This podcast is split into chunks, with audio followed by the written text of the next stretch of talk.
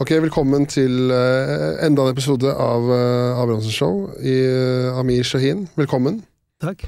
Uh, jeg tenker, Vi, vi, vi har prata masse nå før, eh, før vi begynte, men kan du ikke bare ta en, liksom en introduksjon av deg selv og fortelle Ja. hvem du er og hva du gjør, hvis det er noen som ikke skulle vite det? ja. Jeg er jo opprinnelig komiker, men jeg ser det på som humorist. Ja, Eh, tekstforfatter, og så ved siden av så jobber jeg som eh, frilanser, og så tekstforfatter, produsent, da. Men uh, ja, det jeg si kort fortalt. Og forfatter, og du har serieskaper, og gud bedre holdt Jeg prøver, da. Ja, er ja. sånn i bransjen, og det vet jo du, da. Ja. Jeg syns, du er veldig flink. Ja, ja, det er hyggelig. Og jeg, er det er litt sånn det jeg prøver. Mm. Jeg, jeg vet jo ikke hva jeg gjør. Og hvis jeg slutter å prøve, så får jo ikke jeg betalt, sant. Jeg har jo jeg har husleie, jeg har regninger, jeg vil leve litt godt, kanskje reise litt. kanskje dra på en date iblant. Ja. Men eh, Så jeg prøver, og jeg, eh, jeg prøver alt mulig, da. Eh, og så til man liksom finner sin nisje, Mm. så tenker jeg da jeg prøver fram til jeg føler meg til hvile, da. Ja, ja. Ja, men kanskje jeg ikke gjør det heller. Nei, nei. Mm, mm. Men det er jo Jeg syns jo på en måte Altså, det var en fin introduksjon der, men du er jo eh, Du har jo lagd eh, flere Altså, i hvert fall Du har jo blant annet eh, serieskaper til Hjem til jul, som gikk på Netflix, er ikke det Ja, riktig? sammen med Christian Andersen. Ja. Ja, vi skrev faktisk uh, hele greia. Altså ikke på en måte manus, men vi liksom storyen og sånn i klasserommet. Ja. Så vi visste jo egentlig ikke det heller.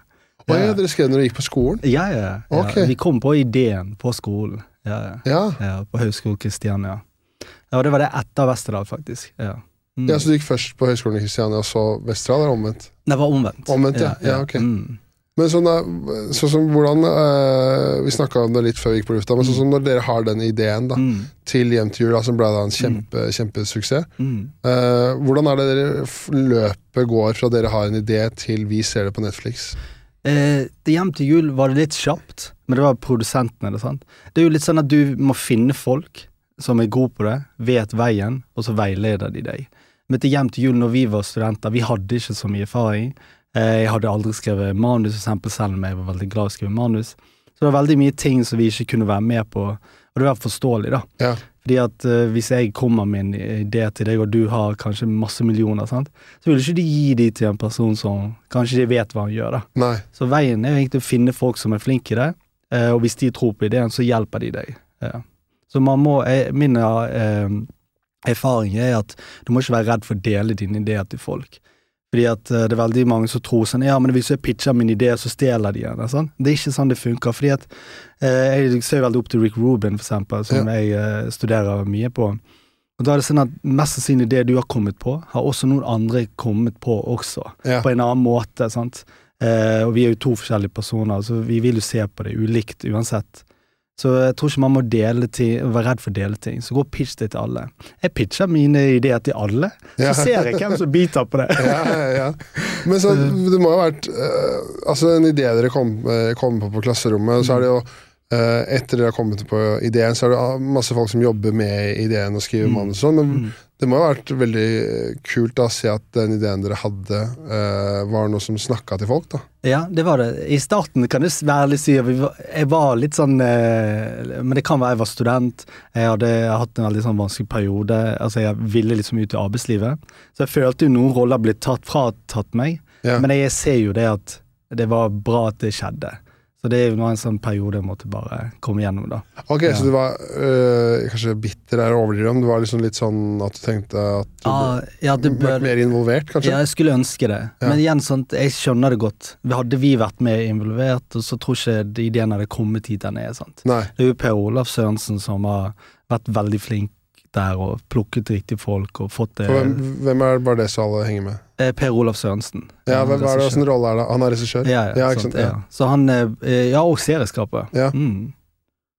Uh, ja, ikke sant. Men er det da Hvordan er det det fungerer? Er det da der dere kommer med ideen, så bare sier de ok, her, vi kjøper ideen, og så er man uh, på en måte ferdig? Eller er det da uh, eksempel hvis Hjem til jul blir solgt da til andre land eller språk, eller Ja. sånt? Ja, nei, vi eier, vi eier jo eh, konseptet Ja, ja, med sånn produksjonsselskapet. Så Ja. det blir jo solgt til Italia. Så vi har jo da en del vi får da, av det salget. ja, ok. ja. Det er jo, det er jo kult, da. Det er ja, ja. Da blir det en liten date. Det, ja, det blir en liten date. så, så hadde jeg lest en artikkel på Aftenposten, så var det sånn mann bare sånn Jeg er 30 år, jeg finner ikke dame, jeg føler meg som en vandrende lommebok. Ja, ja, ja. Det beste jeg hadde hørt. ja. Eh, Men ja, det er fint med dates. Men hvordan var det liksom du kom eh, Hvordan var det du liksom fant ut at eh, det var det her du skulle studere og gå på i Vesterålen og Høgskolen i Kristiania og sånn? Jeg, jeg, det er veldig rart, for jeg vokste opp i et miljø hvor alle var sånn businessorientert. Alle skulle gå på BI, alle skulle jobbe noe med aksjer, eiendomsmegling og bil og alt det der. Så var jeg denne rare i gjengen som var kreativ, da. Eh, så jeg følte meg veldig aleine. Eh, men jeg, jeg tror det var bare en sånn en jeg vet ikke, jeg hadde en sånn illusjon av hva jeg hadde lyst til å gjøre, men jeg visste ikke helt hva. Og så visste jeg ikke hvordan kommer man seg inn i kreativbransjen. Og så følte, fant jeg ut Westerdal, da, av en um, eh, Sigrid Bonde Tossevik, tror jeg det var. Ja, jeg hadde standup-show med hun i Bergen en gang på Kvarteret. Uh, og så snakka de der, og så bare plukka jeg det opp, og så begynte jeg å søke litt opp, og sånn. Og så søkte jeg inn på skole to ganger. Og så fikk jeg avslag, så kom jeg inn andre gangen, da. Ja. Mm. For du er oppvokst i, i Bergen? Ja, jeg er oppvokst i Bergen. Mm. Hvor, men hvor lenge var det du holdt Og så flytta du til Oslo for å begynne på skole, da? eller? Ja, ja, ja. Så jeg flytta til Oslo for å begynne ved Vesterdal. Jeg bodde i Oslo en gang før òg. Da jeg studerte ved BI. Ja, ok, da var du en del av gjengen. Ja, det var, jeg, jeg, var, jeg var det før jeg flytta til eh, eh, Ber- Nei, til Oslo òg. Men da fant jeg ut at det der var- ville jeg ikke. Jeg, jeg, følte meg så livsløs på BI. Det var sånn Jeg følte mange ganger jeg spurte meg sjøl hva driver jeg med her, da. Så jeg var veldig sånn der eh, vans, sånn Jeg visste ikke helt hva jeg gjorde, for å være ærlig. Ja. Nei. Mm. Men var det Var det noe som skjedde i, i, i livet ditt, eller noe som gjorde at du fant ut at ok, nå går jeg for den andre retningen, eller var det bare sånn naturlig overgang? Det var veldig naturlig for meg å gjøre det, for jeg, jeg var veldig glad når jeg gjorde opptaksprøvene. Og så lagde jo jeg ting eh, hjemme i Bergen, sånn jeg lagde jo sånn musikkvideoer og skrev sketsjer og sånn eh, som jeg lagde, da. Eh, så jeg hadde det veldig gøy da. Men jeg visste jo ikke at dette kunne man leve av, eller Nei, nei, nei, sånn jeg bare gjorde det. Mm. Eh, og så var jeg veldig sånn eh, eh, dratt i en annen miljø, og så var jeg dratt, prøvde å finne min nisje, da. Mm. Eh, og så hadde jeg ikke sånn kreative folk rundt meg eh, så mye, da. Mm. Men sånn som du nevnte jo eh, litt før vi gikk på her, at Mm. sånn i forhold til oppvekst og sånn, kanskje ikke Mm. var sånn ideell. Eh, ja, det vi ja, det virka i hvert fall sånn. Altså, sånn hvordan var det eh, Hvordan var, var det liksom i perioden du var i Bergen, eller var det, hvordan, var det, hvordan var det på en måte? Nei, oppvokst Altså, jeg tror man må se på det Hvis, hvis ikke jeg hadde gått gjennom de tingene jeg har gått gjennom, så tror ikke jeg hadde vært den jeg er, eller hvor jeg er. Nei. Men um, jeg vokste opp veldig annerledes. Så når jeg begynte med standup, så fikk jo jeg fengselsstraff sånn fire måneder etter jeg hadde begynt med standup, og da var, jeg, da var jeg 19 år. Ja. Eh, og sonte 30 dager eh, når jeg fylte 20, altså i sommeren 20, da. Når jeg var 20. Så det var veldig sånn der jeg, jeg ville gjøre ting, men jeg visste ikke helt hva jeg gjorde, og så var jeg i en sånn annen miljø eh, hvor jeg drev med andre ting, da. Eh, og så når jeg husker når jeg pleide å ha standup i Bergen, så følte jeg meg veldig an, altså, annerledes og utenfor. Ja. Jeg følte meg sånn Damn, disse menneskene her greier ikke å kommunisere med Eller henge med. Og så når standup-showet var ferdig, så gikk jeg ut av Riks, da, fra Bergen. ja. Og så møtte jeg gutta mine, så var det sånn helt annen verden, da. Ok. Så det var veldig sånn der uh, Mange ganger så spurte jeg meg ikke hva holder jeg på med, egentlig. Ja. Ja, ja. Mm. Kan, men uh, kan du dele altså, hvorfor du havna fikk fengselsstraff og sånn? Det, det var altså det, Altså, jeg tror vi bare var bare sånn sinte gutter, da. Ja, ja. For mye aggresjon i oss og sånn. Fordi sånn som den boken jeg holder på å lage nå, som heter 'Er jeg norsk hvis jeg mørker huden', Mm. og intervjuer ungdommer på østkanten, da. Så snakka jeg med miljøterapeut i går, faktisk, jeg var på en av de skoleintervjuene. Ja, da er det litt sånn at De som sier jo at jeg merker at de gutta får ikke utløp hjemme, da. Så det kan jo være at jeg var veldig sint ute, eh, og så fikk jeg ikke det, som det sinnet utløpt hjemme eller med noen å snakke med, da. Sant? Så jeg tror det, det kan være derfor. Mm. Men, eh, men sånn Har du, no, har, har du noen formening om eh, Når du sier at vi liksom var uh, Vi var sinte gutter, da. Ja. Har du noen formening om uh, Var det noe som eh, var i livet, eller noe som du opplevde som gjorde at dere var sinte gutter? Eller var det altså sånn Altså, jeg kan kun snakke for mitt sted, jeg kan ikke Ja, snakke nei, for resten av for, nei, gutta. nei, men for, for deg, da. Jeg, jeg tror jeg var mye sint på uh, hvordan ting var hjemme hos meg. Ja. Jeg følte, jeg tror, legger, jeg tror stemmen min var kvelt hjemme. Sant? Fordi at uh, hjemme så hadde jeg ikke en stemme. Jeg hadde liksom, du, du gjør det du skal, og så går du på rommet ditt, og så, og så kommer du, så spiser du, og så gjør du det du skal, og så får, gjør du det du får beskjed om. Mm. Så det var ikke, en, det var ikke åpen for diskusjon, sant. Og så når du har det hjemme, og så går du ut, eh, og så vokser du på en måte med en annen hudfarge her i Norge, eh, og så, måte, sant, så møter man visse eh, fordommer også, sant. Men mange tenker på rasisme, at det handler om vi, hva vi sier til hverandre. Men det ligger mye i blikket, egentlig. Du kan komme inn i et rom og føle deg ikke velkommen. Og det er et blikk som jeg egentlig ikke jeg kan lære til deg. Det er noe du må vokse opp med å se, sant. Så det er liksom, jeg tror man opplever alle disse tingene, eh, og så hvis ikke du prater om dette, eller ingen som hjelper deg å snakke og bearbeide det, så sprekker jo det andre steder, sant. Og det er, det vi ikke det er derfor vi ofte sånne ser ungdommer som slåss og alt det der, så sier vi bare gjeng og drittsekk og bla bla, de kommer her for å ødelegge Norge.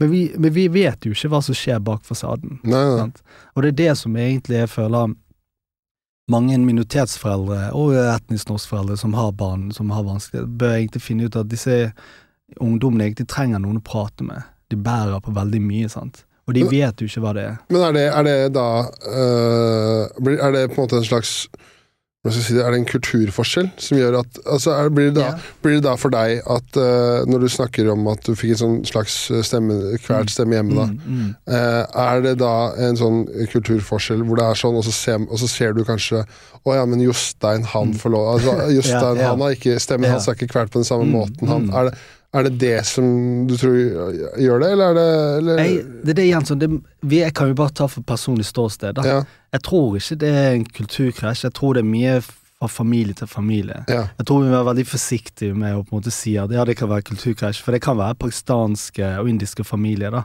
som er utrolig flinke med å snakke med barna sine, og gi dem rom for å på en måte utagere hjemme, gi, altså på en måte, er gode foreldre da. ja, ja. Så jeg, jeg tror det handler mye med fra f- folk, egentlig, forskjellige folk. Ja. Ja, det er selvfølgelig. Jeg bare, Ja. uh, for når du sier det, så er jeg helt enig. For det bare at uh, sin, Hvis dere var liksom en gjeng som opplevde mye av det samme Ja. Men det fins jo åpenbart uh, norske barn også som kunne tenkt noen Ja. å prate Ja, jeg har hatt mange av de. Ja? Ja. Det, men det, det som er at Du vet når du vokser opp i sånn som den gjengen, hvis jeg skal Jeg liker ikke ordet, men hvis vi kaller den gjengen ja, eller vennegjengen, da. Ja, Ja, sant. Eh, Og da er jo mange av de her funnet ut at de hadde jo det ti ganger verre. Og det er sånne ting man ikke helt skjønner og omvandrer da. Mm. Ok, men sånn som når Sånn som dere, eh, sånn som dere når du følte liksom at uh, Passa kanskje ikke helt inn i komikermiljøet i Bergen, Mm. men dere Sånn som dere andre Den andre gjengen, eller vennegjengen du Ja. var med, var med da, var det da uh, Havna dere litt på utsida, utsida da? Var det derfor liksom det ble noe sånn Du havna i fengsel og sånn, eller hvordan Nei, altså, jeg, jeg vet ikke De gutta er jo alle velutdannet i dag, da. Ja, ja, ja. ja. Eh, og, eh, De havna på BI. Ja, havna B og eiendomsmegler, finansfolk, jobber med aksjer og driver egne selskap. Flinke folk, også. Ja. Eh, og det er ikke alle som greier det. Det er noen som det gikk vekk med overdose, og noen havna på sjø og sånn. Det er forskjellig, da. Men eh, jeg tror ikke vi var outsider. Jeg tror bare Jeg syns det er litt vanskelig å svare på det. Det kan være vi følte oss outsidere, men jeg tror egentlig vi ikke var det. Nei. Jeg tror vi legger mer, mange merkelapper på oss sjøl. Ok. Ja. Hvor, hvor gammel er det du er? Jeg er 36, da. Er 36, ja. Jeg fyller faktisk 37 neste uke. Ja, ok, ja, ja.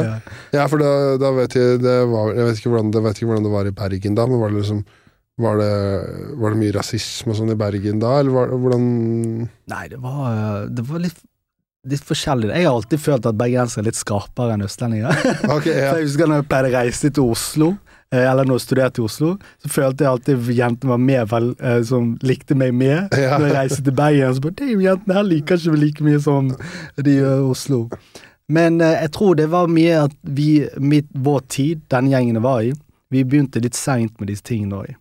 Så vi begynte jo sånn Jeg begynte jo den tiden min begynte etter videregående, så ikke før det. Så jeg tror kanskje mye av den stemmen som var kvelt, og det sinnet som jeg hadde da, eh, gjennom videregående ungdomsskolen, sprakk etter det, da. Og da ble jeg liksom den personen, da. Eh, og da tror jeg mye jeg, Så som jeg har tenkt på det, så tror jeg mye av det sinnet kom derifra. Ja. Men Mm. eh, når du det, Jeg vet ikke hvor mye du kan dele om det, men så, Mm. når du sier de tingene, ja. hva er det du legger i, legger i det? er det? på sånn der alle, Vi har slåss mye. Ja, ja. Det var mye rus. Uh, mye, mye Ja, mye av det, ja. Litt, litt forskjellig der. Ja. For det, det som er litt uh, Kan jeg komme tilbake til Mm. sånn øh, hvordan videre i Oslo og sånn, men det er jo kult da at du på en måte har den historien der, og så har du vel brukt mye av det, og nå holder du foredrag om den tematikken? Ikke Ja? Ja. hold, Foredraget mitt er litt sånn det handler om, Det heter Mellom to kulturer. Og så prøver jeg egentlig bare å fortelle hvordan en eh, minoritetsungdom føler seg når han vokser opp. Mange, Jeg var jo på et foredrag, jeg har vært på mange foredrag. Da føler jeg ofte folk henter inn statistikker. Og så har de intervjuet kanskje masse minoriteter eh, i en eh, bydel, og så skal de legge fram statistikk på hvor folk føler seg sånn. Da blir det bare tall. Eh, og da blir det sånn, ja, disse gutta og sånn, og sånn, men hvordan har denne ungdommen seg når den går gjennom dette, da? Eh, og når de kommer hjem, og når de er utenfor, hvordan føler de seg til slutt, da? Så jeg føler jeg baserer mer på det, da. Og da er det på en måte hvis fagfolk som jobber med kanskje eh, flyktninger, jobber kanskje med minoritetsungdom, da. Da vet de liksom Da kan de snakke med meg, og så kan jeg fortelle i hvert fall mine opplevelser. Så kanskje det gjør at de blir bedre, og på en måte veileder andre, da. Mm. Mm. Men har du et inntrykk av at sånn når du er ute og holder foredrag, Mm. øh, foredrag nå, da, at øh, når du snakker med øh, minoritetsungdom nå, at de sitter, mange sitter med samme følelse som du satt med? Ja, det er jeg. Jeg hadde jeg har begynt å ha foredrag fra skoler nå, videregående skoler. Eh, og så har jeg hatt foredrag fra mm, eh, liksom folk som jobber med problembarn og sånn. Eh, og det, de er veldig takknemlige for det, for det gir de litt sånn innsyn, da. Eh, og spesielt på den der når jeg snakker om hvordan for hver gang jeg, jeg forteller hva jeg opplevde, og så viser jeg hva jeg følte, og hvorfor jeg reagerte, som jeg antar da jeg gjorde. Uh, og da føler de seg liksom at de forstår da det bedre. Og så vet jeg jo ikke hvordan de tar den erfaringen jeg deler videre til de andre, da. Nei. Mm. Men ungdommene blir alltid sånn her Oi, du satt inne! Hvordan var fengsel? Ja. så bare sånn Skal jeg stå her og fortelle dere det? Er ikke det foredraget mitt handler om! Nei, nei. Jeg har jo hatt uh, han, uh, han uh, Shahid Rasul inne også, hvor han Mm. også sa det at man liksom passe seg litt på hvordan man uh, fortalte det, så man ikke glorifiserte fengsel. At, Ja, var, ja, at det var liksom det folk eh, om mange unge folk syntes var kult. Liksom, Ja. Hvordan, fengsel er jo drittfett. Da. Du var, ja, sånn, ja, Det var det de ville høre om. ja, Og så bare fikk du juling hjemme, hvordan var det? Ja. Og så bare sånn Hei. ja. Mm. Men har du noe, har du sånn uh, Når du er ute og møter ungdom og holder foredrag, Ja. har du noe liksom formening om uh, noe som, skulle, som kan gjøres altså sånn, fra et samfunnsperspektiv? Da, hvordan det kan bli bedre, hvordan man kan gjøre det lettere for den gruppen? Jeg tror vi bør dele mer informasjon. Jeg tror min erfaring er på en måte generelt livet, er at vi vet egentlig ingenting utenom oss sjøl. Eh, så, fordi at vi, vi deler for lite, vi antar for mye. Eh, for eksempel den boken eh, som er tilbake igjen, eh, den er igjen også viser mørke huden, og jeg Ja. spør disse ungdommene, så sier jo de at folk antar for mye om de. Eh, jeg tror da hvis vi har vært flinkere på å snakke og dele erfaringer Fordi at det, man glemmer at uh, man kan si at ja, norske folk har fremmedfrykt, sant. Men minoriteten òg har en fremmedfrykt òg. Så det går egentlig begge veier. Men vi jeg føler bare sånn at alle er bare redde for å snakke om det. Alle er bare redde for å si hva de mener og sånn. Uh, men jeg føler hvis vi hadde vært flinkere på å dele våre erfaringer, dele faktisk hva vi tenker og sånn, så tror jeg det hadde ført oss nærmere. Og hvis ikke, så hadde det i hvert fall gitt oss en forståelse, da. Sant? For det, Er du enig? Jeg har hørt mange si at eksempel fremmedfrykt og rasisme ofte er mangel på informasjon. Ja. Er du enig i det? Jeg er helt enig. Helt enig. Ja, Ja. Fordi jeg tenkte sånn, Hun ene kiden bare sånn Ja, de der nordmenn må slutte å tenke at vi er her for å ta over landet. Ja. Jeg kan ikke ta over landet, jeg er 14 år! det er jo sant, sant? ja. Det er litt sånn ah, Jeg, jeg føler sånn Uansett hvor du er, om du er i USA eller øh, eh, i Norge eller eh, Italia et eller annet så det er Ofte hvis vi ser en sånn der film om minoriteter i de landene, så kan vi relatere til oss det. da For vi går gjennom det samme. Så vi bør egentlig bli flinkere på å dele erfaringene våre, eh, så vi kan egentlig forstå hva som skjer da. Mm. Mm. Men har det, har det, har det vært noe uh, Jeg vet jo at det har vært en sånn del sånne serier om uh, gjengkriminalitet, Mm. og når det kommer, når det kommer Fluso, men har det liksom vært noen andre serier eller noe som har liksom eh, En tematikk som har handla om det? Altså sånn Ja, det har vært en del serier, men eh, jeg føler ikke det har vært så mange gode. Det var norske, da. Ja. Atlanta synes jeg er en av de gode, men igjen, sånn jeg, Nå tenkte jeg på norske, da. Norske, ja. ja. Jeg Flus er jo en komedie, da, Eh, men um, jeg synes ikke det har vært så mange gode norske, nei. Nei. Nei. nei. Nei. Ja, altså 18 og 17, jeg husker jeg diskuterte med de gutta i Oslo. De lo jo av den, da. Og da han ene fyr- kompisen min som er vokst opp sånn som de der, da. Han, han sa jeg gadd ikke se mer enn episode. Altså, det flaut. 1817? ja. Er det, hvorfor det, det, var, det har jeg ikke hørt om, er det, det var en serie? ja, det var en serie på NRK, da. Så Å, ja. de prøvde å lage litt sånn sånn. Så han, da, da var jeg litt sånn, da gravde jeg, og da husker jeg da var jeg i en sånn sur periode, så fikk jeg ikke gjennom pitchene mine, og så skrev jeg en artikkel på det, og så skrev mannsforfatteren tilbake en artikkel på det. Så kastet vi ball fram tilbake. Eh, men jeg, jeg skrev ikke mer enn en artikkel, for jeg ville ikke svare. Nei. Eh, men det er jo litt sånn at han sa at han ikke kjentes igjen, og sa mye Det var veldig dårlig, egentlig. Ok, ja. Mm. Det var ikke en av det som ble Nei, han var ikke enig. Ja, men igjen, sant? det er jo det jeg sier. Vi, vi opplever, det kan være vi opplever veldig forskjellige ting fortsatt. Sånn som, la oss si den gjengen jeg var i, så er jeg veldig sikker på at det er veldig mange der som opplever noe helt annet. Selv om jeg har vært til stede. Ja, men det er også veldig sånn Jeg vet ikke Det er jo men Si at hvis jeg hadde vært regissør, da. ja. Det er veldig rart eh, hvis jeg skal fortelle Fortelle hvordan det Ok, hvis jeg skal være en regissør, og lage en TV-serie, Ja, ja. og så skal jeg fortelle hvordan det er å, å, vokse, opp, å vokse opp som andregenerasjons pakistanere i Oslo, for eksempel. Ja, Da. mm. Det, har, altså, det blir veldig vanskelig for meg å fortelle Da må du i hvert fall da må du få inn folk og, som kan hjelpe deg, og som kan fortelle sine historier. Mm. For jeg kan sitte og tenke meg hvordan det er, men det da vil jo kanskje Mm. folk sitte igjen med den følelsen Ja. som han kompisen din gjorde det. da Nå vet jeg ikke hvordan 1817 gjorde det, kan hende de hadde De, har, de sier de hadde ja, ja, Han, ja, sant? han Ja. ene svarte òg. Jeg fikk jo to artikler tilbake. Jeg bare sånn Dame, dere takler kritikk dårlig. Eh, nei, altså, jeg tror de kunne gjort det. Jeg tror man må ha bare god forståelse hva man forteller. Fordi eh, jeg har jo veldig mye lyst til å fortelle, og jeg har jo ikke fått opp alle prosjektene mine. Men jeg tror sånn hvis du vet en, du skal fortelle en god historie, så kan du gjøre det. Eh, og du har, på en måte har med folk som veileder deg. Eh, jeg tror ikke det bør handle så mye om liksom sånn der eh, om du er pakistaner Pakistan eller ikke. Jeg kan forstå hvis du på en måte har kommet på ideen, og du er etnisk norsk og skal fortelle om en pakistansk jente som går gjennom kanskje tvangekteskap. Mm. Da kan jeg skjønne det, at du ikke helt vet det. sant? Men hvis du skal regissere, så tror ikke det skal ha så mye å si. Du kan da på en måte få veldig god veiledning, og hvis du som regissør er god historieforteller, så vil du få fram historien på en god måte. Mm. Det er min trikk. Ja, det er ikke et godt poeng. Sant? Så jeg holder på å få opp noen prosjekter, og der har jeg med regissører som er norske. Ja. Men de er gode historiefortellere. Ja, ja. Så det skal ikke ha så mye der. Men uh, det er noe annen sak hvis du skal begynne å skrive en, uh, en serie om, la oss si Amir, da. ja. Fra bunnen av, og så har du null kunnskap om Amir. Mm. Da skjønner jeg det. Ja. ja. Men det er jo Ok. Men det er veldig mange gode serier og til filmer som blir laget av uh, noen helt annen en helt annen person i forhold til det de lager, da. mm, så det ligger kanskje i forarbeidet, da. Hvordan- Ja, altså, det? Forarbeidet er veldig viktig. Ja. Og jeg- vet ikke hva de har gjort i forarbeidet der, men det noe må jo ha skjedd, da. ja. Men igjen, det er bare min, mitt syn, da. Ja. Det kan være noen andre syns det er Ja, det, kan, ja, det vet man ikke. Det kan være det var akkurat som vi følte det hadde, hadde det. Så det er jo det er det vanskelig. Det blir jo veldig sånn subjektivt, akkurat det der eh, sin Mm. egen opplevelse av, av det. ja. Min erfaring har jo ikke vært sånn, da. Ja. Mm. Hva, hva da? Eller? Eh, Nei, altså bare sånn som de prøvde å vise hvordan Nei, folk, Nei, nei, folk havner sånn i miljøet og sånn. Ja. Ja, ja. Mm. Uh, men så er det Ok, så da, da, da er du jo i Du holder på i Bergen, uh, og så flytter du jo til uh, Oslo på et tidspunkt. Ja, fordi jeg gikk til Bay, og så fikk jeg Altså, vi, jeg, jeg drev jo bare dank på Bay, egentlig, basically, fordi Um, Og så besto jeg ikke BI, Men jeg var ikke klar over at du måtte bestå ett år med 60 studiepoeng for å få studiestøtte.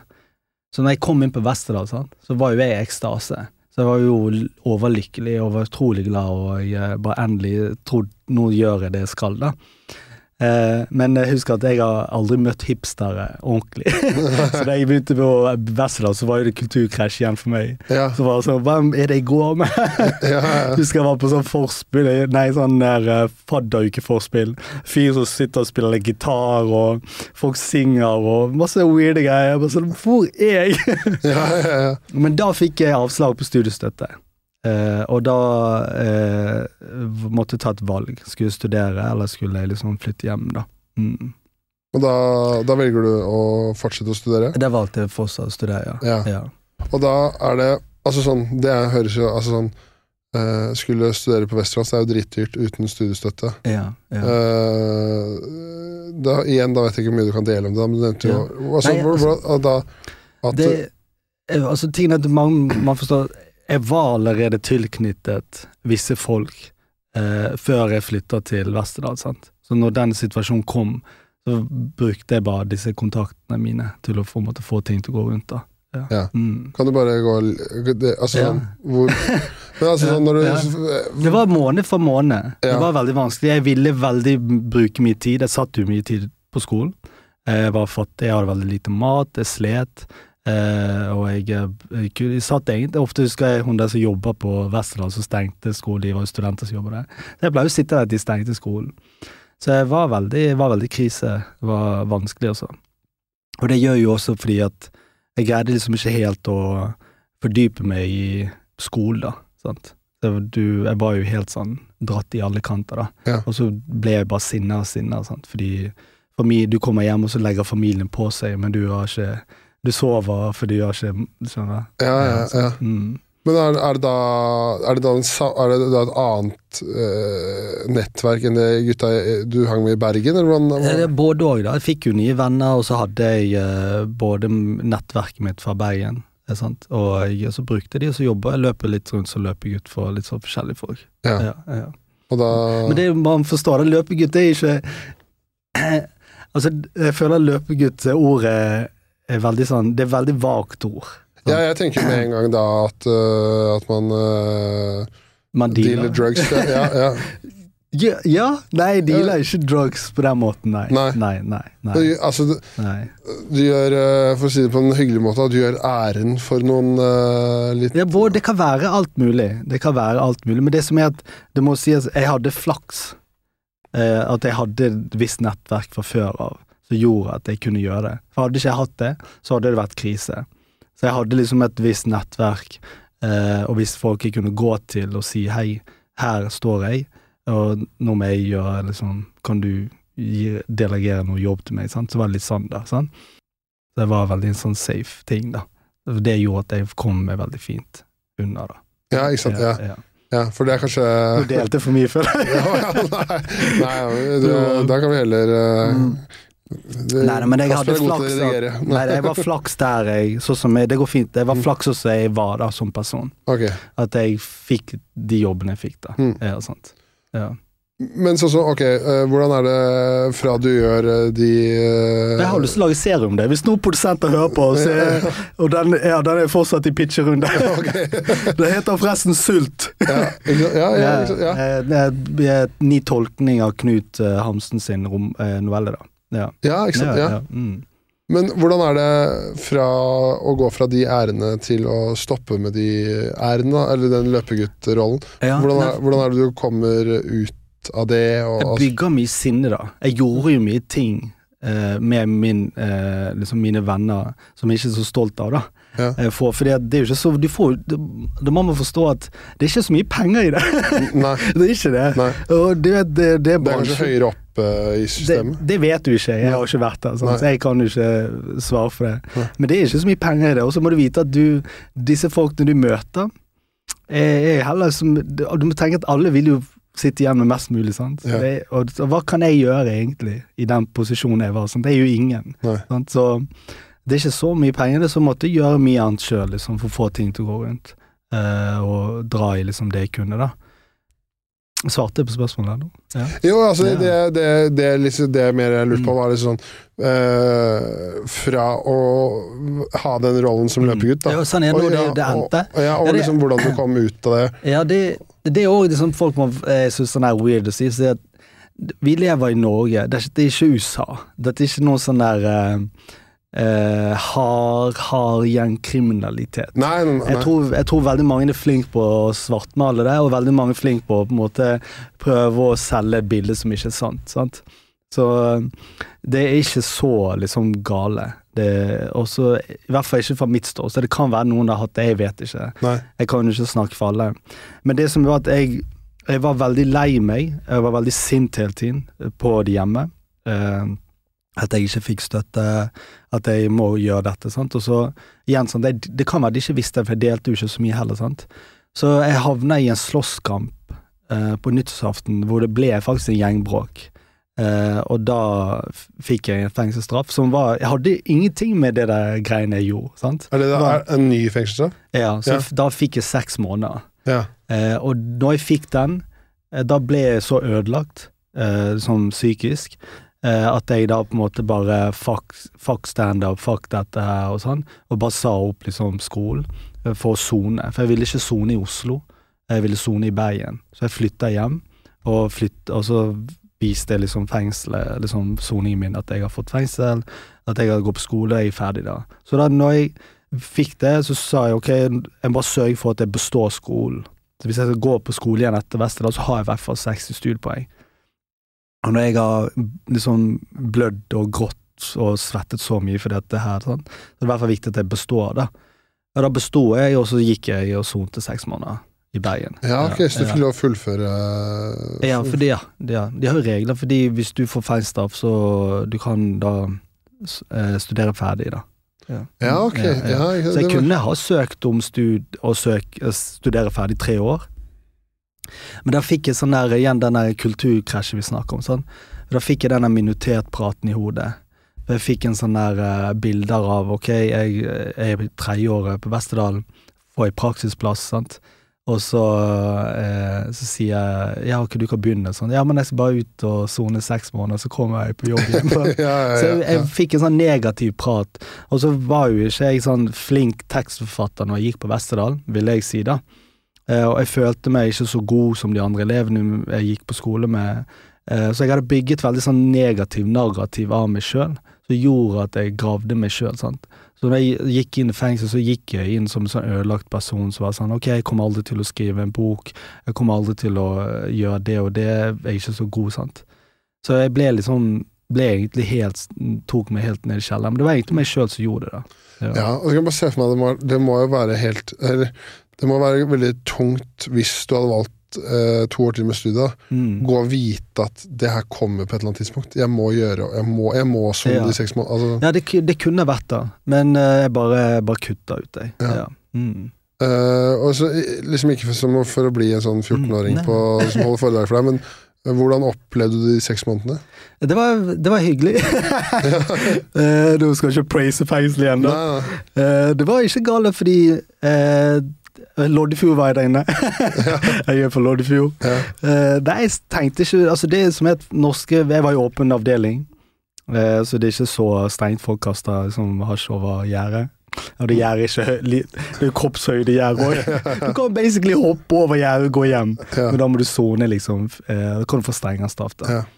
Eh, Det var helt greit. Det sykeste var skjellfengsel. Det var knivstikkhistorie, kan jeg fortelle det? Ja. Ja, ja. Det var morsomt fordi eh, innen fengsel så lagde jeg rutiner. Jeg er veldig glad i trening, så jeg løper jo løp mye og bare tenkte sånn, nå jobber jeg meg sjøl, da. Og så plutselig var det en sånn her eh, Faktisk, det er trist. Altså, man En ting jeg lærte inne på fengselet, var at mine problemer var luksusproblemer. Vi, vi, jeg jobbet jo med kunstneren, eh, og da satt jeg liksom med kunstner og jobbet med de, for du må jobbe der inne. Og så var det en sånn fyr som sa at han, han var redd for For han skulle bli liksom løslatt to dager etterpå. Og, sånn. og så sa han han var redd for å gå hjem, for han visste at hvis han kom hjem eh, de to dagene, så kommer han til å ta overdose. Ja. Det syns jeg. Og så var det en person som eh, stakk en annen person med pensel. Eh, han, han skulle egentlig bli sendt hjem fra Norge, og han ville ikke det, for da hadde liksom, han visste at han skulle gå, han kommer til å dø, det er krig der i hjemlandet hans. Så da når jeg var der inne, så så, Så jeg han, ja, han stakk for å få lengre straff? ja, sant. Så da når jeg var der inne, og de tingene skjedde, så var jeg sånn Damn, her går jeg rundt inne på fengselet og gråter for jeg ikke fikk fullferd... Altså eh, gjøre ferdig skolen, da. Så jeg- det ble satt sånne ting, når jeg opplevde de tingene, så satte det liksom mitt liv i perspektiv og var sånn ok, jeg har egentlig altfor godt. Mm. Sant? Jeg skal ut her om eh, seks måneder. Jeg har et hjem. Jeg kan eh, jobbe. Jeg har god erfaring, jobberfaring, snakker bra norsk. Jeg kan liksom begynne på skolen igjen hvis jeg ønsker. Så det, jeg tror det fengselet gjorde at jeg fikk livet sett på en annen perspektiv, da. Sant? Mm. Så, men hadde hadde du på en måte en holdning når du gikk inn i fengselet at ok, nå skal, nå skal det skje en endring? Nei, egentlig ikke. Nei. Alt var liksom uh, til helvete. Og jeg fortalte jo ikke til familien heller at jeg skulle inne.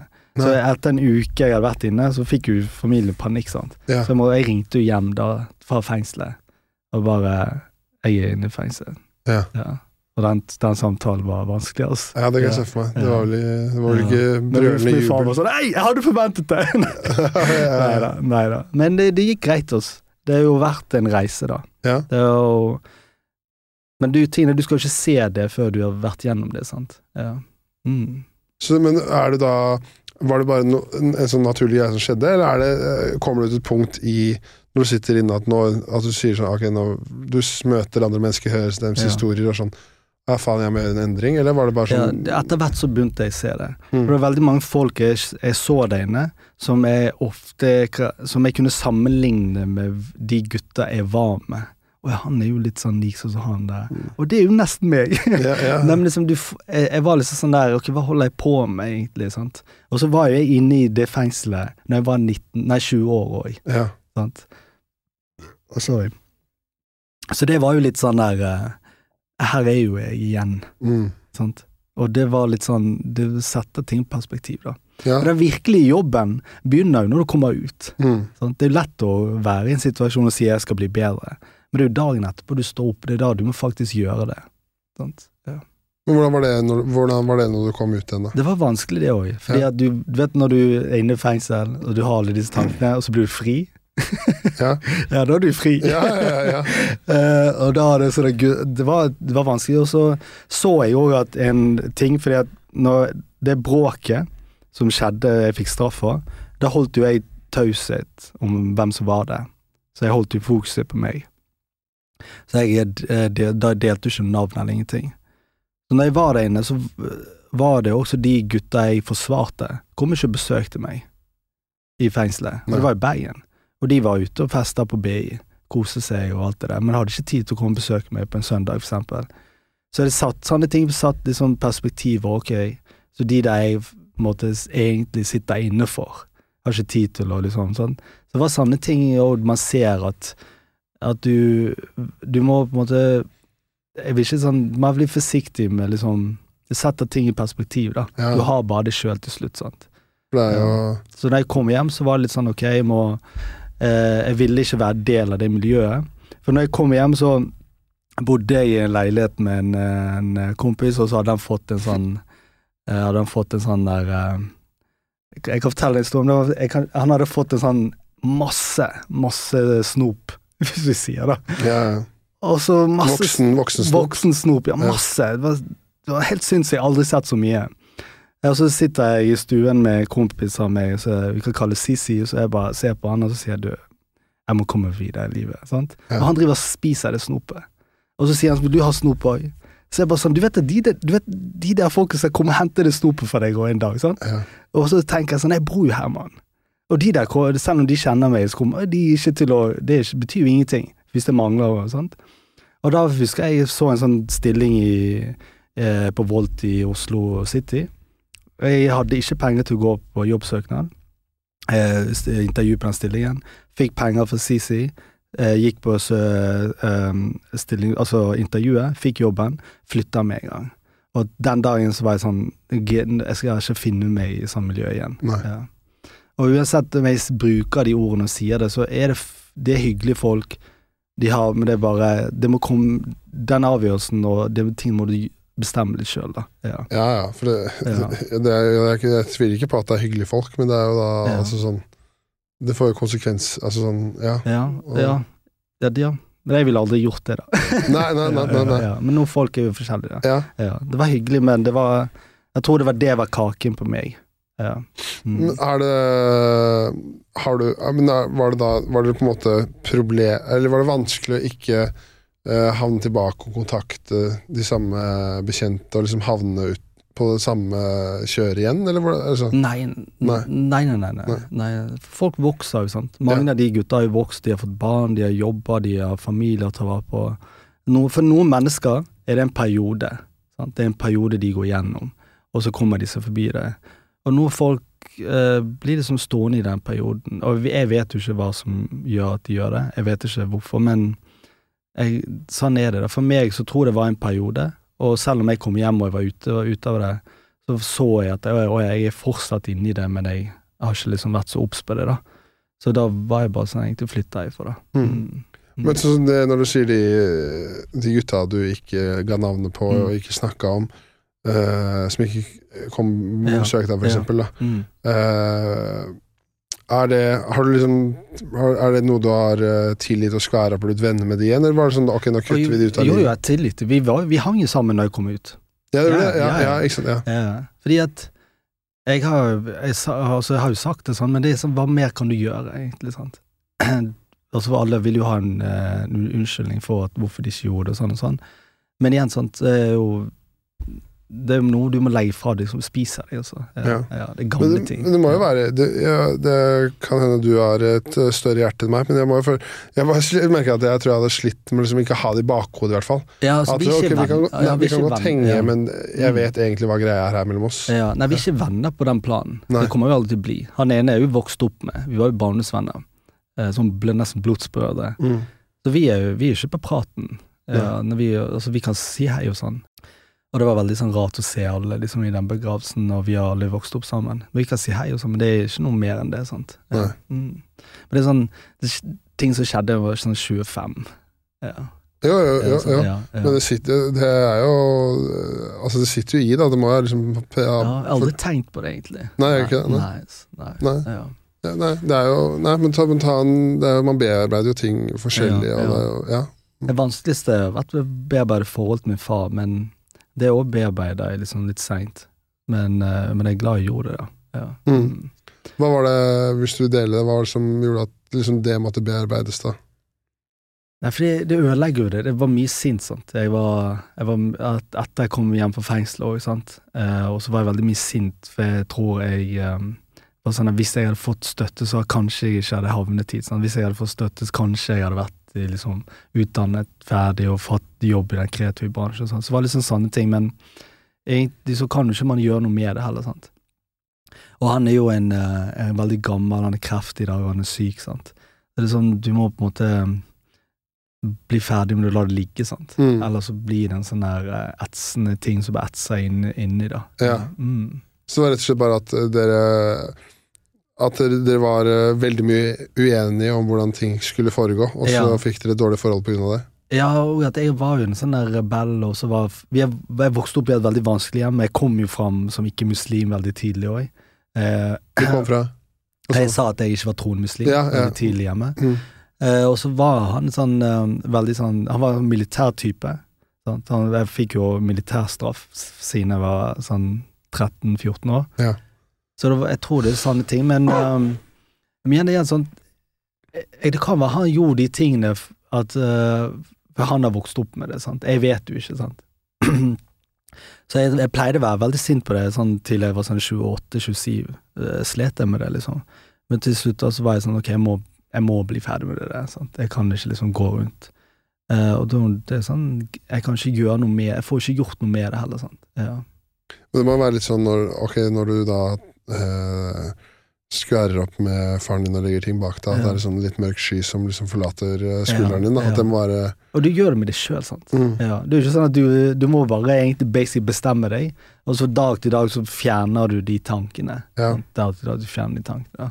For det, det er i hvert fall Det Ja. vet ikke hvordan du føler på, men jeg vet i hvert fall hvis jeg har hatt øh, konflikter og uenigheter og krangler og sånn, Ja. så er det én ting at okay, man ønsker å skvære opp øh, med personen, Ja. men det er også like mye for seg selv òg, at man får det at, man, uh, at det er noe som plager deg, som Mm. med at du da uh, tar det opp med den personen du har et problem med. Ja. Så kanskje du hjelper den personen den ved å tilgi, bla, bla, bla. Mm. Men det er også veldig mye seg selv, da. Mm. Mm. Det er det. Alt foregår inni hodet vårt. da. Og det kan være, jeg har jo ofte stilt med spørsmålet eh, at hadde jeg det så verst? Ja, ja, ja. At liksom, hva, Har jeg liksom blåst opp alt? Mm. Uh, jeg vet jo ikke, sant. Eh, og vi kan jo ikke gå tilbake. Og, og det, jeg tror også tiden jeg har vært veldig sint, og eh, liksom sint på alle rundt meg, så tror jeg jeg har gått glipp av mye gode stunder. Mm. Jeg tror det òg gjorde at jeg må være sånn Ok, jeg, jeg kan ikke leve på den måten, da. Uh, så jeg må bearbeide. Og, og livet er litt sånn at når du bearbeider en ting, så dukker det opp nye ting òg. Ja. Mm. Men, men uh, la oss Ok. eh, nå, altså, nå er det jo åpenbart for det har vært mange gode år, da. ja. Ja, ja det er både òg, ja. ja, Ja, ja. hadde ja. brudd òg. ja du er singel for to år siden nå. Ja, litt år, ja, det er snart to, ja. det, det var eh, sikkert veldig trist, men la oss være ærlige, det er ikke på samme nivå som fengsel. Det var faktisk verre fengsel. okay. Det var det. det var det. Fordi at For fengsel er sånn Jeg var jo veldig eh, rustet til fengsel, det er så feil å si. Rustet til fengsel. Jeg var jo liksom eh, blant de tøffe gutta. Så jeg vokste opp de tøffe menn og sånn. Så var jo ikke sånn Bruddet var det verste, faktisk. Ja, det, det? jeg, var, jeg var Jeg tror Jeg begynte med jenter seint. Så jeg tror når jeg, eh, Og jeg hadde en kjæreste i Bergen før, og som også utrolig snill. Hjalp meg faktisk den perioden jeg var i Vesterdal. At, men jeg tror denne kjæresten jeg var sammen med, var jeg ordentlig sånn Sånn der, du vet sånn der første kjærlighet-forelsket. Ja, ja, ja. Jeg tror det var mitt sånn første hjertebrudd. Så, ja, ja. ja. så skrev jeg en roman om det. Eh, 'Sorgens tre'. Den kommer faktisk ut etter jeg har gitt ut denne boken i mai. Mm, Ja. Mm, Gøy. ja. det gøy, eller kult. Er Det er kult. Ja. Men eh, jeg, jeg syns det, jeg det også komikere må bli flinke på. Jeg syns Jonis har blitt veldig flink i siste, å snakke litt om følelser. Jeg synes sånn, Min erfaring med komikermiljøet er at vi er veldig øh, Hvis vi sier ja, det er jo selvfølgelig, men vi er veldig vet, jeg, tror komikere, mange komikere sliter personlig, følelsesmessig. Jeg synes man øh, Ofte så sier du vet grunnen til komikere er så flinke til å få andre til fordi de er triste sjøl. Jeg vet ikke, da, men, Ja. men jeg syns komikere bør bli flinkere å snakke om følelser. Mm. Ja. Mm. Jeg, jeg tror du Jeg føler også det er kanskje sånn det er nok helt sikkert tilfeller med komikere, men jeg tenker liksom det er sånn på generelt det, i, Ja. sånn, i, i samfunnet, på en måte. At, for jeg føler liksom at det, er, eh, jo, det er jo komik Det finnes jo mange komikere som ikke har det bra, men jeg føler Mm. også det finnes mange eiendomsmeglere som ikke har det bra. Hvis Ja. du skjønner, hva jeg mener? At det, Ja, ja, alle. Når man setter sammen en så stor gruppe mennesker at Mm. eh, alle har sitt og sliter med sitt, mm. sitt måte. Men det kan hende du er inne på noe, det er at eh, det er spesielt for eh, komikere. Det er den klisjeen eh, dårlig, dårlig, dårlig barndom, ja. komiker Ja, det kan være. Jeg har møtt eh, mange komikere som har eh, vært veldig triste, men du ser det nye. Det kan være, du vet når du har vært trist, veldig trist sjøl, når du har vært deprimert sjøl, når du har vært gjennom sorg sjøl, og det, det, det, vet ikke om jeg, jeg, jeg er ikke synsk eller sånt, men jeg tror man merker det enklere på andre når de går gjennom det. For eksempel når noen snakker om eh, brudd og sånn, så kan jeg ofte se på de eller føle om hvor hardt det bruddet har vært for de eller ikke.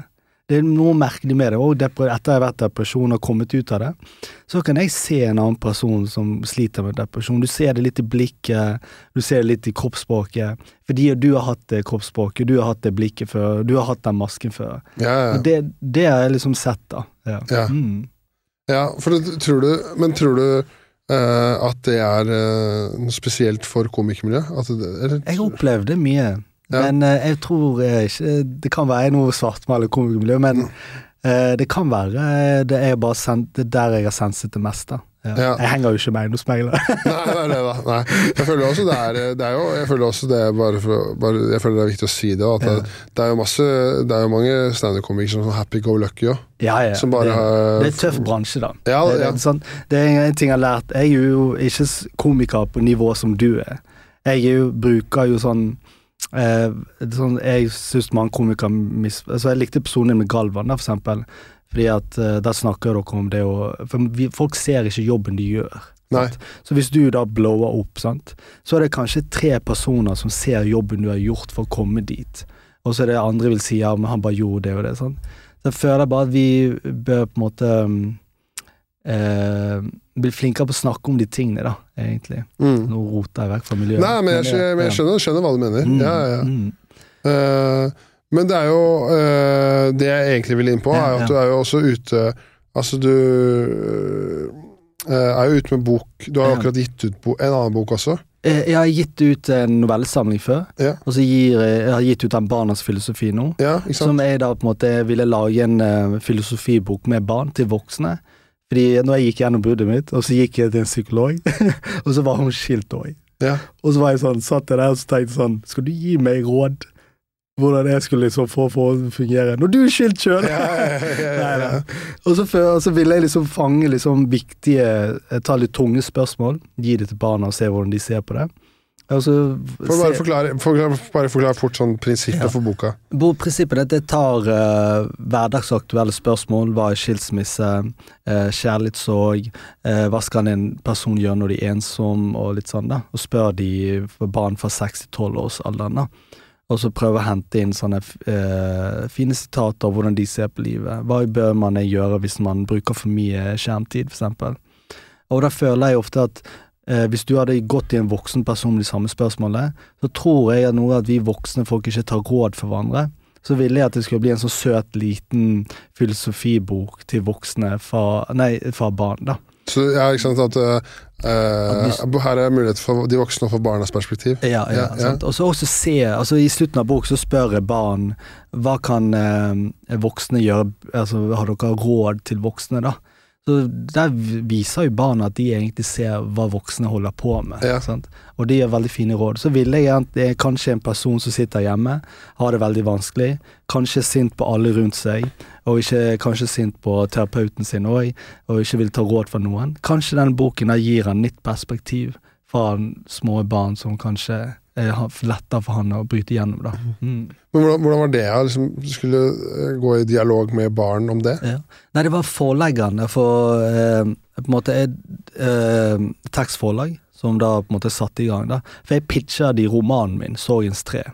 Og så sa, leste de den, så leste de den første boken jeg har gitt ut. Og så sa de 'hei, dette er sprøtt, du har jo veldig god fantasi'. Så ble jeg ansatt på det prosjektet, som Ja. redaktør og tekstforfatter. Og da tok jeg det prosjektet i min retning, og begynte å stille litt sånn mer mangfoldige spørsmål, eksempel hva er en nordmann? Og jeg, jeg som er mørk i huden, kan jeg være norsk? Mm. litt grave litt sanne spørsmål, da. Så lagde jeg litt sånn mer eh, mangfoldig bok, da. Ja, ja. Mm. Ja, men hvordan har liksom eh, mottagelsen som har vært på boka? Mottakelsen har vært veldig fin. Vi får faktisk en ny anmeldelse nå òg, eh, som kommer fra Pessikop, som er sånn der ungdomslitteratur-hjemmeside. Så det har vært veldig fin uh, tilbakemelding, da. Denne boken har fått så gode tilbakemeldinger at uh, jeg har allerede gjort ferdig bok to nå, Ja. som er ny redaktør. Mm. Mm. For jeg leste jo, så også det at det var jo en uh, var, det, var det Dagens Næringsliv? Eller, nei, hvor, det var en avisartikkel hvor du Så- snakka om boka og din Ja. historie og sånn. Ja. Det var en et subjekt, kanskje? Ja, subjekt var det. Ja, subjekt var det, ja. Mm. men det må jo være kult at liksom, du kan da vise til boka, så får du liksom vist fram deg samtidig. Ja det, er, ja, det er jo litt sånn Man må jo bygge, da. Jeg eh, vet jo ikke til tider hva jeg gjør, sant. Så jeg, eh, jeg prøver liksom å gi ut et prosjekt og gå på et nytt prosjekt, sant. Eh, og så prøve å vise meg, litt sånn som du gjør med podkasten, og den livepoden, denne livestandupen du har på VGTV. Ja, Utrolig bra. takk. Og det er litt sånn, man må bare gjøre det, og så bli aktuell, da. For hvis Mm. ikke jeg gjør de tingene, sant, så er det ingen som kommer til å gjøre det for meg heller. Sant? Nei. Ja. Mm. Men, for jeg bare vet ikke om det er riktig, men det virker jo liksom sånn at det, det er ikke vanskelig, men det er liksom sånn Det virker som det er liksom sånn at eh, det, er ikke, det er ikke bare bare å åpne seg og dele alt. På en måte, altså, er det Føles det sårbart liksom skal fortelle Jo, det var det jeg gjorde da jeg var ung, det var det, Ja. sånn var det med pappa. Altså sånn Ja, det, det er jeg blitt vant til det, da. Jeg har Mm. lært det. Jeg lærte av Leo, for eksempel. ja. Jeg har hatt mye råd fra han. Mm. Eh, han er utrolig flink. Han hjelper Altså Leo Ajkic. Han hjelper bergensere som eh, står på også. Eh, så jeg har egentlig bare lært å gjøre det, og så har jeg liksom sett på andre. Eh, sånn som da jeg satt inne mye òg, da så jeg på hvordan gjør andre det. Og så begynte jo eh, Etter fengselet og etter Westerdal så begynte jeg liksom grave inn i hvordan kan jeg bygge meg sjøl, så jeg har jo liksom hatt jobber innenfor kreativbransjen og slutta, og, og noen ganger også på en måte blitt sagt opp fordi prøvetiden var over sånn. Ja, ja, ja. Fordi at jeg ikke vet hva jeg gjør, sant? Mm. så finner man ikke. Og det er bøkgreiene jeg har liksom funnet min nisje, da. Mm. Eh, og jeg har jo allerede to bøker planlagt nå. Sant? En i mai, eh, og så blir det en etter det, da. Ja. Mm. Men det, er- det synes jeg alltid er litt sånn interessant sånn her, hvordan Det må jo åpenbart ligge en bra idé i, i bånn der, for det, det er jo mange, det er jo mange som har lyst til å skrive en bok Ja, ja, uten at den blir ja. publisert på noen måte. Jeg har fått avslag for alle Vet du, dette Du må få glemme sånn vi snakker om folk ser ikke jobben vi gjør. Mm. Jeg har fått avslag av alle forlag i Norge. Og da snakker jeg ikke om forlag som er bare i Oslo og Bergen. Jeg har gått runde rundt Norge, fra by til by. Yeah. Eh, jeg har fått avslag over alt. På den veien jeg har fått avslag over alle i Norge. Ikke bare én gang. Jeg har sånn e-postliste. Eh, og da har jeg lært å pitche, og jeg har lært å gjort om. Så den første boken ga ut, da fikk jeg avslag for alle. Så snudde jeg om pitchen, så landet jeg plutselig et forlag. Så man, gjør, man må egentlig gjøre det hele tiden. Ja. Så finner man ut av det. For det jeg synes virker så Ja. jævlig sånn her, Hvis du skal skrive TV-serie eller bok, eller sånt Mm. så hvis man ikke allerede har uh, fått en bestilling på en TV-serie eller en bok, Mm. at da kan man jo sitte sånn, uh, I realiteten si Ja. at man skal skrive en bok, da. Mm. Kan man sitte to år og skrive den boka? Nei, ikke to år. Nei, ok, ja, det spørs. Ja, spørs kan- litt åssen ja, bok det er, da. Okay. Men si, altså det tar jo altså det er, En bok er ikke skrevet over natta. Nei, nei, men du må ha, eh, ha et Vite hva du skal fortelle. Ta sånn bok to, da. Mm. Den begynte jo jeg på Med en gang jeg var ferdig med Barnets filosofi, så begynte jeg på bok to med en gang. Og så på veien, og så finner jeg ut hva dette skal bli. Men jeg har en idé om hva jeg skal fortelle. Så jeg, jeg føler sånn at mange eh, eh, Altså når man kreative ting eller andre ting òg Jeg tror den eh, fra du får en idé til du setter i gang, den må være veldig kort. Ja. Sånn som jeg jobber jo med en julefilm med NRK Super. Så jeg var hadde foredrag for dem. Så helt på slutten av foredraget så forteller jeg en sånn der eh, standup-historie hvor Amir er ute og prøver å stille pinnekjøtt. Ja, ja. Og med en gang så var det en regissør som sa hei, dette kunne vært en veldig kul julefilm på NRK Super. Så da skrev jo jeg snopsis, eh, idé og pitch over helgen, sånn at den er klar på mandag på hånden. ja. Sånn at fordi at veldig, Du må på en måte sette i gang, da. Det er min mening. Mm. Da går det ting mye fortere. Ja. Jo, men da tenker jeg da er jo i hvert fall eh, Hva skal jeg si, det er jo Da vet du jo liksom eh, et slags hvor det skal, og hva som er greia med det. Mm. Men når man skal sette seg og skrive en bok og ha en liten del så tar det føler jeg liksom Det jeg vil, vil fram til, at det tar Si at eh, du jobber mange måneder da, med en bok, Mm. og så er det sånn, så pitcher du, du får nei, vri pitchen for nei. Mm. Da føler jeg på en måte at det var liksom Da har du brukt veldig mange timer uten å få Nei. noe igjen for det. Nei, men det Kontra feil. hvis du Ja. skriver eh, Ja. Du blir kanskje en bedre fatter og lærer mye, da. For jeg føler Hvis du i hvert fall som standup-komiker, for eksempel Du kan skrive verdens verste vits, men du får i hvert fall prøvd den. Jo, men okay, ta for eksempel, hvis, hvis jeg kan snu det, da. Mm. Ta for eksempel, du skriver en vits, sant. Og så har du show på Josefine, du har show på Datter til Hagen, samme kveld. Så tar du samme vitsen som Josefine, funker ikke helt dårlig. Bare så snur han litt om, så går du på data. Uh, funker litt bedre. Snur den litt om, så går du på Njø, funker enda bedre. Det er litt sånn. Ja? Ja, ja. Så du, når jeg tar for eksempel eh, romanen min, da. Uh, den skriver Jeg har skrevet den om tre ganger. Hele boken. Tre ganger Jeg har skrevet om en hel roman. Men det er på en måte du pitcher, og så eh, spør du kanskje noen hey, kan du komme med tilbakemeldinger. Mest sannsynlig får du nei, da. Men du må egentlig bare finne ut av det sjøl. Så litt sånn at hvis du har det drivet, så tror du du kommer dit. Ja, ikke sant? Ja, ja. Mm. ja, Det er sikkert bare fordi jeg ikke vet så mye Ja. om det. Det er kanskje det som er problemet. Men, Ja, min, eh, hvis noen har lyst til å gi ut bok, så veien der er, er på en måte at hvis du vet hva du skal fortelle, samme, la oss si en TV-serie òg, da, hvis du skal, sånn som jeg var jo på pitch i dag òg. sånn, du må vite hva du skal fortelle. Ta for eksempel Breaking Bad, mange sier at den handler om uh, en professor som skal selge narkotika, nei, nei, nei, nei, Breaking Bad handler om familie. Handler om familieforhold og etterlate noe til familien. Det er Breaking Bad sin premiss. Det er, en, det er en far som ikke har lyst til å etterlate familien med null. Det er der, det er der historien ligger. Ikke historien ligger i dopsalget, det er bare sånn plussgreier. ja, ja. Så litt sanne ting, da. Så hvis det er for eksempel Sorgens tre, eller den nye boken min som eier norsk viser jeg mørker huden, det handler om å på en måte prøve å definere hva betyr det å være norsk. Så du må på en måte kunne bare presisere ideen din og konseptet ditt så smalt. Ja. Ja. Det er jo litt eh, interessant spørsmål, altså sånn, Mm. eh, uten at du trenger ikke å røpe noe i boken. Nei, nei, nei. Men, har, jeg- men har du noen tanker om hva det betyr å være norsk? Ja, jeg tror det er hva vi føler. Sånn som, sånn som eh, La oss ta de barna som jeg snakker med da i østkanten, eh, som er da født og oppvokst der. eh, drømmer på norsk, snakker på norsk, eh, er norsk som alle andre, men de har bare en annen hudfarge. De, kanskje, de snakker kanskje et annet språk hjemme, ikke alle gjør det engang, eh, og de har foreldre som har en annen kultur. De er norske barn, og når de får barn igjen, så blir de enda mer norske. Sånn. Så jeg føler sånn at nå har vi kommet til eh, Så Norge er veldig ungt, ungt eh, land. Eh, Innvandring i Norge er ikke så lenge siden det skjedde. Nei, nei. Så er for, vi er ikke liksom i den Vi er ikke der USA for eksempel er, da. Men at jeg føler denne etnisk norsk betydningen holder på å få en ny mening. I den boken så ville jeg utforske dette, da. Sant? Så min mening er at det er hvordan du føler deg. Det handler ikke lenger om om du er hvit og har blå øyne og blått hår. sant? Det handler faktisk om hvordan du føler deg. Uh, og der igjen med kommunikasjon. Vi må på en måte kunne Jeg lager det prosjektet så andre skal liksom se. Og så vil jeg òg at minoritetsforeldre skal se at disse barna er vokst opp her og har kanskje lyst på andre verdier enn de. sant? For det er veldig mange minoritetsforeldre som kveler barna med religion og visse regler som ikke er, liksom, er her i Norge.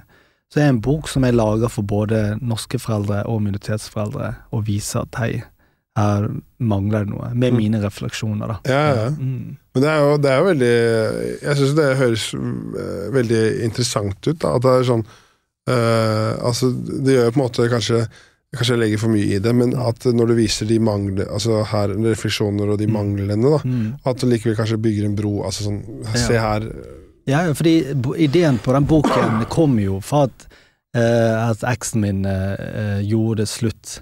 Eller no, en av grunnene, ikke sånn hovedgrunn, da. Eller jeg, jeg vet ikke, men en av store grunnene var at hun manglet Hun savnet visse kulturelle nyanser, da. Fin måte å si det på. I meg, da. Så hun ville jo ha en norsk kjæreste. Eh, da var det litt sånn jeg kom på ideen til den boken. Jeg var litt sånn eh, Ok, da fikk jeg identitetskrise, da. Så jeg var 34 år, satt på balkongen og bare 'Jeg kan norsk!' Ja, ja. Eh, Men- der, men da var det litt sånn at jeg ville egentlig utforske det for min egen del. Og så kanskje tenkte jeg kanskje på veien jeg lærer noe jeg ikke vet, da. Noe jeg Ja. ikke ser. Sant? Men da må jo hun ta litt selv, Altså, Nei, men, ta eh, litt selvkritikk, eller? Altså, Nei, altså, hun, må- vi kan ikke snakke om en person som skjer, men Nei, igjen, det, forholdet er vanskelig også. Ja da. Sant? Fordi at du vet jo dette, bedre enn meg, du er jo i et forhold. Og, og vet du, å bo sammen med noen hver dag, inn og ut, og, og prøve å se hverandre, og prøve å være liksom det perfekte, og så er vi bombardert med sosiale medier og disse kjærlighetsstormene på TV. Sant? Det er vanskelig. Ja. Så det, det, det spiller mye annet inn nå, da. Mm. Men eh, også det har vært litt sånn det òg, da. Ja, jeg har ikke lyst til å svartmale henne. Nei, nei, nei, nei. Men, altså, men eh, mer spørsmål til deg, da. Sånn der, eh, når du sitter her og får beskjed om Ok, men jeg eh, Kanskje Jeg vet ikke hvordan du følte det, da, men du, jeg, du er født i, altså i Loddefjord i Bergen, oppvokst i Norge. Nei, jeg er født i Pakistan. Du er født i Jeg- ja, ok. min, min far er jo faktisk halvt indisk, og det fant jeg ut når jeg var 25. Oh, ja. ja, det har jo det standardvitser bare sånn damn! Så jeg kunne vært i Kamasala noen ganger nå har jeg måttet være terrorist hele tiden. ja, ja. Men eh, jeg vet ikke Men jeg kan eh, si hvis jeg tar feil nå, da. Ja, ja. Men det var veldig rart å få beskjed om at eh, jeg vil ha en norsk kjæreste, men så føler du deg norsk. Ja. ja, det var veldig, det var veldig eh, Jeg hadde skikkelig krise, altså. Identitetskrise. Jeg var veldig sint og skrev mange kronikker, men jeg publiserte ingen. Nei. Eh, så jeg fikk skikkelig identitetskrise. For jeg, jeg er jo også veldig aleine i livet. Jeg, jo, jeg har jo ingen besteforeldre. Jeg har jo Jeg, jeg kommer fra et ødelagt hjem hvor familien sitter jo ikke sammen, sant. Nei. Så jeg er jo Jeg er jo veldig aleine, sant. Og jeg har jo liksom Jeg snakker mye om det i boken, som jeg ikke har gitt ut ennå, men hvor jeg da uh, følte sånn Shit, ass. Kan være at hun har rett, kan være Så jeg var litt sånn egen sånn Jeg er veldig sånn at eh, Jeg er veldig på den at vi ser hverandre eh, ofte ikke, og vi ser bare vårt perspektiv, sant.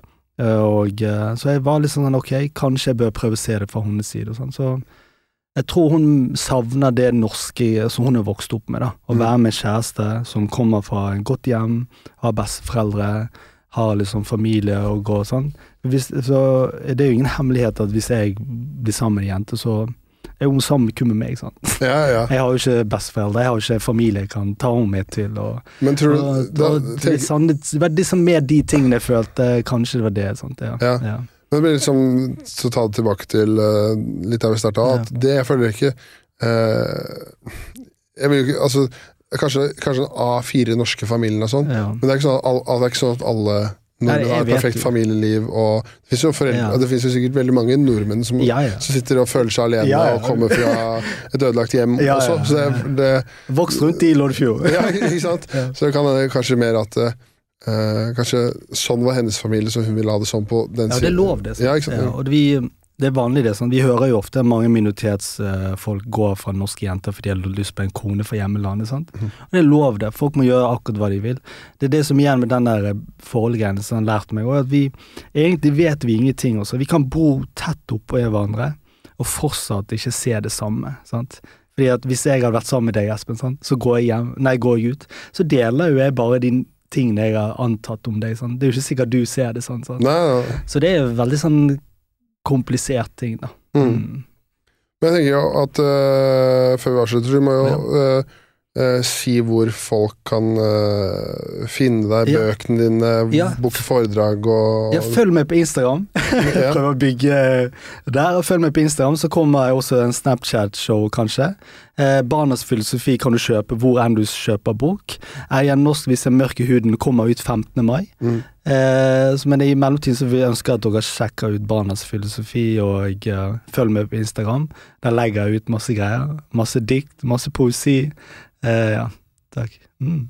Gull. Ja, man. Er det mer du vil uh, ta opp eller dele? Nei, bare si yo, du er utrolig flink komiker.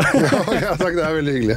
Takk. Altså, tusen takk for at du kom Jo. innom og delte. Og, Takk for at jeg fikk eh, være her. Jo, selvfølgelig. Det var en veldig kul, kul historie, så det er Ja, veldig kult at du gadd å, gadd å dele. Så setter vi setter pris på. Tusen takk, man. Jeg gleder meg. Jeg skal, gleder, jeg skal høre når jeg er ute og løper på søndagen.